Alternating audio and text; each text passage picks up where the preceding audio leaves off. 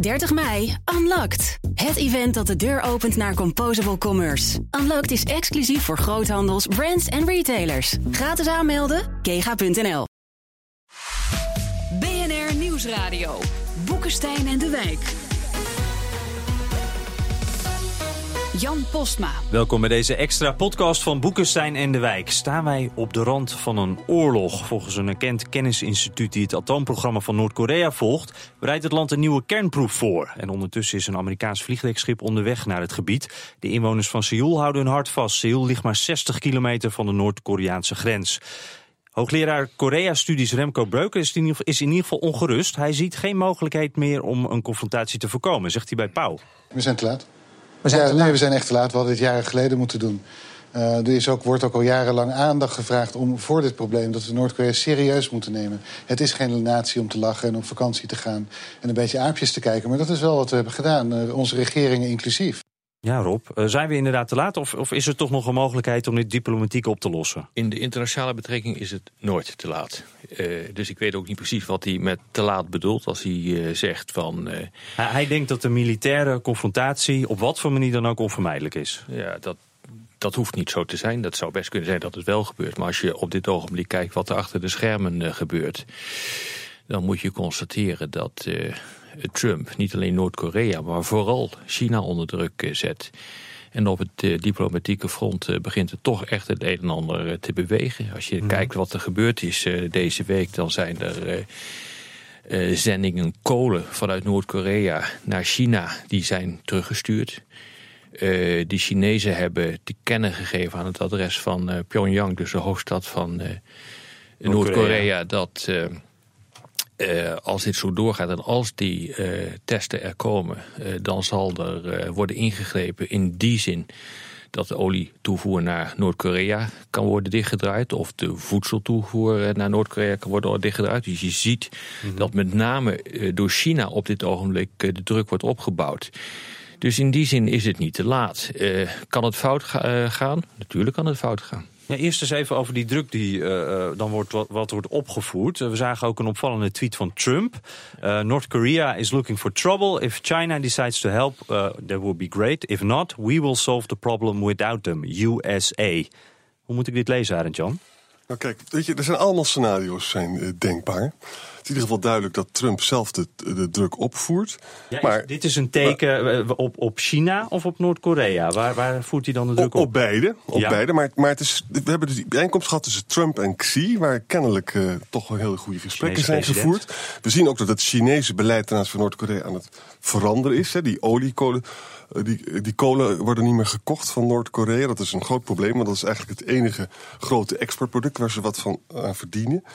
Kijk, wat dat zo zorgwekkend allemaal maakt... is dat een, een militaire conflict gewoon helemaal niet uitgesloten kan worden. Want dat is er namelijk aan de hand. Als China probeert nu heel erg te voorkomen, achter de schermen, dat die test wordt gedaan. Japan is ontzettend bang dat het een nieuwe raket eh, betreft. Die heet de Pukguk Song 2. Goeie naam. Eh, die gaat veel verder en, en eh, Japan is, vindt het echt een game changer. Wat hè? is veel verder? Is dit Amerika ver? Nee, of? nee, dat niet. Maar het kan wel heel, het, het kan Japan natuurlijk heel makkelijk bereiken. Mhm. En ook wel verder dan dat nog. En, en eigenlijk vindt Japan dus, want dit gaat dus gewoon fout. Er moet ergens, er moet gestopt worden. Nou, Amerika heeft geoefend met Zuid-Korea samen. En allemaal scenario's natuurlijk gedaan. En één daarvan is dat je de, de, de probeert, dat je, dat je de lanceerpaden probeert, eh, of de mobiele installaties probeert uit te schakelen. Het probleem is dat die zijn mobiel. En sommige kan je helemaal niet zien. Dus dat is ook allemaal heel lastig. Nou, waar ik nou zelf bang voor ben, om gelijk maar het punt te maken, is dat. Ah, nu meteen al, ja? Ja, als, als China dus niet in staat is om die test te voorkomen, dat is zeer wel denkbaar, want eh, Kim Jong-un die gaat waarschijnlijk gewoon door, dan kan Trump natuurlijk denken van, en nu moet ik toch iets doen.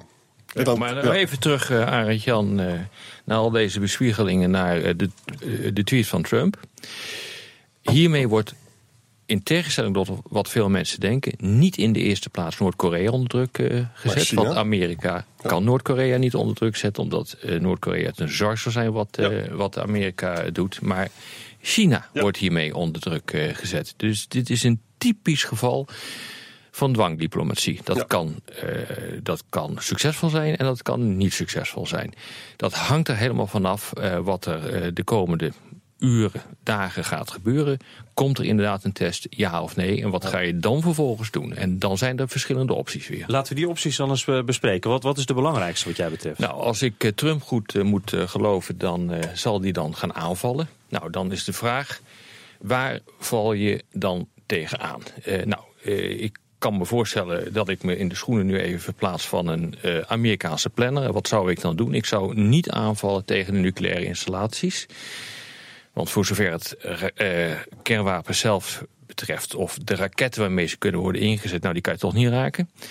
Uh, Want die zijn zo goed beveiligd? Die zijn goed beveiligd, die zijn okay. ondergronds uh, opgeslagen, dus die raak je niet. Okay. Uh, wat je dan vervolgens kunt doen, is bijvoorbeeld de nucleaire installaties, waarmee nucleaire grondstoffen worden gefabriceerd. Die zou je kunnen raken. Die liggen pakweg 60 kilometer ten noorden van Pyongyang.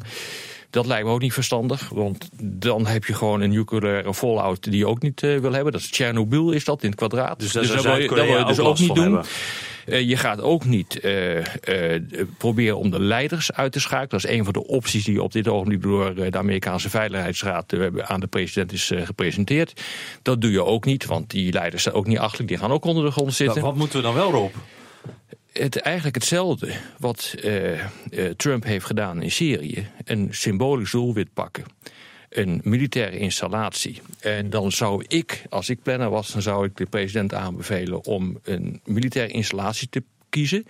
Waardoor de kans dat Noord-Korea vergeldt, bijvoorbeeld tegen Zuid-Korea geminimaliseerd wordt. Dus dat is een, uh, dat is een basis waar bijvoorbeeld nu uh, houwitsers staan opgesteld. Of waar skutraketten op uh, mm -hmm. staan gesteld met een beperkte, met een per, beperkte rijkwijde. Dat zou ik dus doen, want, want dan koop je enige tijd om ervoor te zorgen dat die vergelding tegen Zuid-Korea niet gaat plaatsvinden. Ik denk dat dat fase 1 is. En kan dat dan met één aanval? Hoeveel van dat soort nee, dat, hebben ze? Dat is een, een, ze hebben duizenden raketten, dat is een ding dat zeker is. Maar het gaat erom dat je die faciliteiten van waar die raketten kunnen worden gelanceerd, of die houwitsers kunnen worden, worden gelanceerd, niet goed meer bruikbaar zijn. Mm -hmm. uh, dat is een operatie die vereist echt een, massale inzet, een massale bombardementen van dat soort. En, en kan dat, dat met één vlieg, vliegtuigschip wat nu onderweg is? Je komt een heel eind, maar het is niet alleen het uh, ene vliegkampschip uh, wat er is. Het, het is een heel eskader wat er naartoe is gegaan. En die, die zullen ongetwijfeld kruisraketten afvuren om dat je er dan zeker van weet dat je door de luchtverdediging komt van Noord-Korea. Ik denk dat, dat dat het meest waarschijnlijke scenario is. Uh, Arend Jan, uh, Rob zegt nu van uh, hij moet eigenlijk zoiets symbolisch doen als in Syrië. Kan je als je nu terugkijkt dan misschien die symbolische, dat symbolische bombardement in Syrië ook niet loszien van Noord-Korea? Dat heeft alles hangt met alles samen. Zeker als je dat doet als je met lunch met, met Xi zit te, te dineren. Het probleem, ik geloof ook in dit scenario dat dat zeer, zeer, zeer realistisch is. Het probleem is alleen, wat zal de reactie van Pyongyang zijn? Hè?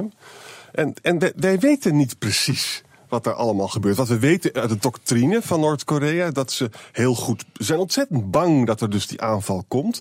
En dan hebben ze zelf opgeschreven, dan moeten we eigenlijk preventief ook kernwapens inzetten. Mm -hmm. Nou, het probleem is, ze kunnen nog geen kernkoep, althans dat denken we. Ze kunnen nog geen kernkop op, op, op, op, een, op een raket krijgen. Stel je nou eens voor dat ze toch met een kleine raket en een kleine kernkop iets hebben gedaan. Of een vuile bomachtige constructie. Mm -hmm. En stel je voor dat dat de reactie zijn op ja, die aanval wie? van die houwitsers. tegen wie? Ik, ja, ik geloof er dus niet in dat, uh, dat ze dat gaan doen. Uh, dan ga ik me nu verplaatsen in de schoenen van een planner uit Noord-Korea. Wat, zijn dan, wat zijn dan je opties? Nou, je probeert ervoor te zorgen dat de zaak niet compleet escaleert. Want als het escaleert, loopt het volstrekt uit de hand en eindig je met een, uh, met een kernwapenoorlog. En daar is ook uh, uh, Pyongyang niet mee gediend. Ja. Dus wat doe je? Zou ik denken, als het volgens de normale logica zou gaan. En tot nu toe, moet ik eerlijk zeggen, voltrekt het zich ook volgens de normale logica. Dus het zou me niet verbazen als die richting op gaan. Dan ga je niet, zoals continu gesuggereerd wordt, uh, Seoul uh, bestoken. Dat is het allerstomste wat je kan doen. Want daarmee ga je zo hoog in de escalatie zitten.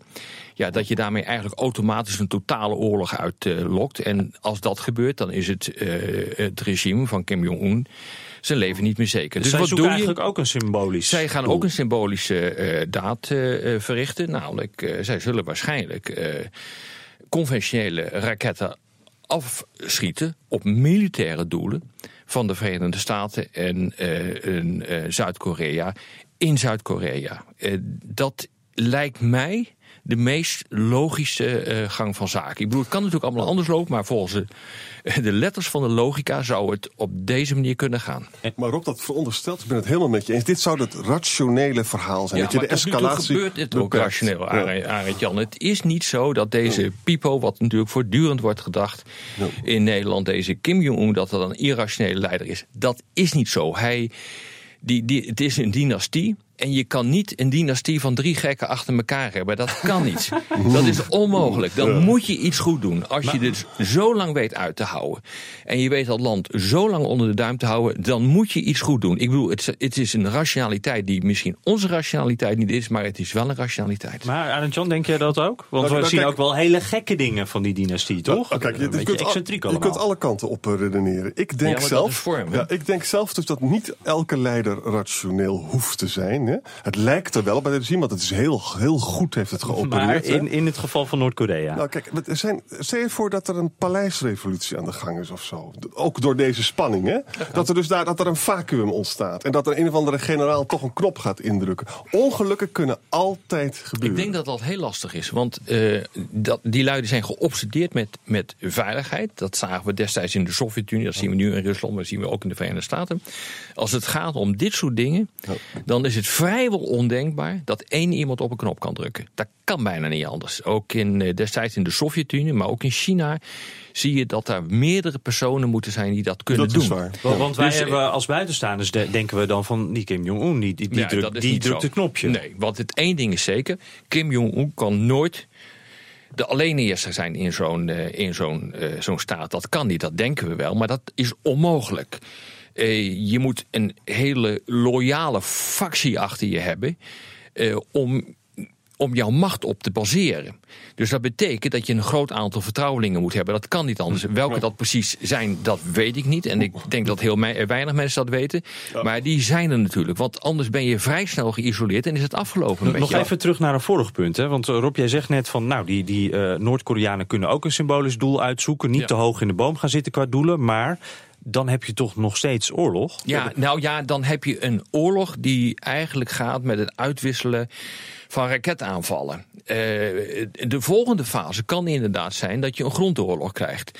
De volgende fase dan is dat je een oorlog krijgt waarbij steden gebombardeerd worden. Als dat gebeurt, dan krijg je de volgende fase en dan heb je waarschijnlijk een nucleaire oorlog. Maar wij denken continu, dat is althans wat ik hier uh, continu in de, in de media ook uh, langs zie schuifelen dat het onmiddellijk een kernwapenoorlog wordt. Uh, je mag niks uitsluiten, maar dat is. Dat, dat zou een heel raar scenario zijn. Ben dat zou... eens. Maar het gaat, de grote vraag is: kan je dus die escalatieladder die er is, kan die aan beide kanten beheerst blijven? Hè? Nou, door de bank genomen wel, want dat hangt dus wederom dan ervan af wat China gaat doen. Je kan je voorstellen dat Kim Jong-un toch zegt van, nou, ik druk op die knop en uh, ik ga een test doen. Nou, dan komt er een vergelding van de Verenigde Staten. Dan kan het daar ook bij blijven. Uh, dat kan, uh, dat, dat kan maar zo gebeuren. Dat hangt er weer helemaal vanaf wat China op dat moment gaat doen. Als hij zegt van ja, maar dit willen we niet. Dit gezeur, dat uh, willen we niet. Ik knijp nu Noord-Korea economisch af. Ja. En dat is natuurlijk de grote angst van Kim Jong-un. Want als hij compleet af wordt geknepen... ja, de Noord-Koreanen die eten nu al gedeeltelijk glas...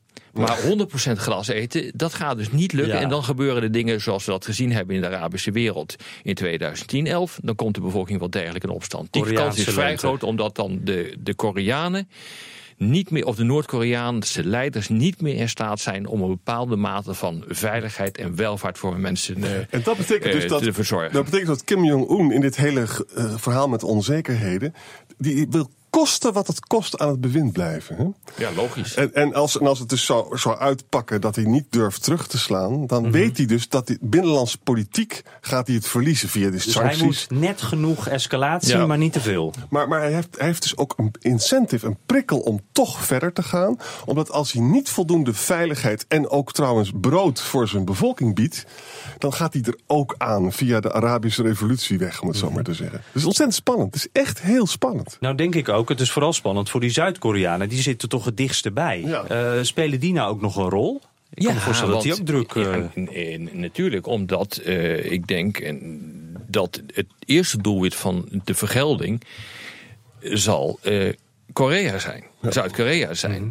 Als het vervolgens doorescaleert, kan je je ook een scenario voorstellen, eh, voorstellen dat Japan wordt geraakt. Amerika kan op dit ogenblik denk ik niet uh, geraakt worden. Dat is, daar is men technisch nog niet uh, toe in staat. Dus ook dat scenario, dat past helemaal in dat escalatiebeeld. Maar mhm. als je wat zou willen doen als Noord-Korea, dan zou ik aanbevelen als adviseur van Kim Jong-un. vergeld tegen Zuid-Korea een Amerikaanse aanval en doe dat tegen militaire doelen. Ja. En dan hou je de boel nog mogelijkwijs enigszins in de hand. En, dan hoop je dus, dan hoop je dat het daarbij blijft. Ja. Maar het kan dus zijn dat Trump besluit dan weer een trapje hoger te gaan. Ja, maar niet als het, als het goede strategische denkers eh, zijn, dan laat je het daarbij. Maar maar Trump kennen we niet als een strategische denker, maar misschien de mensen achter hem wel. Hoe schat nou jij dat nu in? Eh, kijk, als je dus kijkt naar uh, uh, hoe de Veiligheidsraad functioneert en hoe het ministerie van Defensie uh, functioneert, dan zitten daar een aantal mensen die wel van wanten weten. Die wel hoe, weten wel hoe je dit moet doen. Maar een groot probleem vind ik bij de Verenigde Staten is dat de ambtenarij nog niet gevuld is. Nee, is een hele hoop adviseurs zijn er nog niet. Dus eigenlijk, eh, we hebben een tijdje gehad dat zo'n uh, uh, dat zo'n Matt is, de minister van, van, van Defensie. Defensie ja. En Tillerson eigenlijk zo ongeveer, ja, eigenlijk zo'n beetje alleen ervoor stonden in hun ministeries. Mm ja, en je hebt toch echt wel mensen om je heen nodig om ervoor te zorgen dat je een beetje in de, in de, eh, eh, dat, dat je de escalatie een beetje in de klauwen. Maar, er is één geruststelling. Bij het Syrische verhaal hebben ze voor de lichtste militaire optie gekomen, gekozen. Mhm. En kennelijk is het toen zo geweest dat Trump heeft geluisterd naar McMaster, een echte mainstream man, een verstandige man. Een veiligheidsman. Mattis, prima man, helemaal niks uh, neocons achter, gewoon een degelijke man en Tillerson. Met andere woorden, hij is blijkbaar in staat om gewoon te luisteren naar verstandige mensen. Ik hoop ook dat dat heel erg bij de Noord-Koreaanse crisis. Nou, tot nu toe, tot nu toe, wat hij doet. En met name uit die tweet, daar staat veel meer in dan veel mensen denken. Omdat het hier in de eerste plaats om China gaat en niet om Noord-Korea. Uh, dat is wel, als je nou per se dit wil doen, ik ben daar geen voorstander van, omdat ik denk dat de risico's veel te groot zijn. Maar als je het wil doen, is dit wel de manier om het te doen. Ja, zeker. En wat ook belangrijk is, we moeten ook even over China zelf praten. Want China speelt dus een ontzettend belangrijke rol nu. Hè? China zou kunnen voorkomen, als China in staat zou zijn om tegen Kim Jong-un te zeggen van, je moet die test absoluut niet doen. Hè? Ja, dan, dan wordt het het probleem met China is, mhm. China heeft geen zin dat Noord, dat Korea verenigd wordt. Want dan krijg je dus een soort Amerikaanse invloedssfeer veel dichter bij je grens. Ja, zij willen een soort bufferzone natuurlijk. En ten slotte nog eventjes, ik ben wel benieuwd wat jullie daar vinden. Eh, het verhaal is dat Obama dit dossier heeft overgedragen aan Trump. En dat hij toen heeft gezegd, eh, meneer Trump, eh, wat u ook doet, weet dat Noord-Korea, dat is het grootste gevaar op dit moment. Is ook zo. Ja, is dat, dat is, dat is een veel groter probleem dan Syrië. Omdat dit is zo onzeker en met zoveel escalatiemogelijkheden. In Syrië hadden we dat helemaal niet, die escalatie. Als dat, wat kan die doen? Hier hebben we dus een regime dat we gewoon hebben laten lopen, om het zo maar eens te zeggen. We hebben alles geprobeerd, niks heeft gewerkt. heeft duizenden raketten, zoals Rob zei. Mhm. En we denken dat, dat hij geen kernkop erop kan schroeven. Maar wie zal nou zeggen dat hij toch iets kleins heeft kunnen doen? Dat kan allemaal. Dat weten we gewoon niet. Nou, laten we daarbij uh, afsluiten. Dank voor het luisteren. En niet vergeten, uh, abonneer je op de podcast van Boekenstein en de Wijk. En laat ook even een recensie achter op iTunes. Vinden we leuk. Dankjewel. Doeg! 30 mei, Unlocked. Het event dat de deur opent naar Composable Commerce. Unlocked is exclusief voor groothandels, brands en retailers. Gratis aanmelden, kega.nl.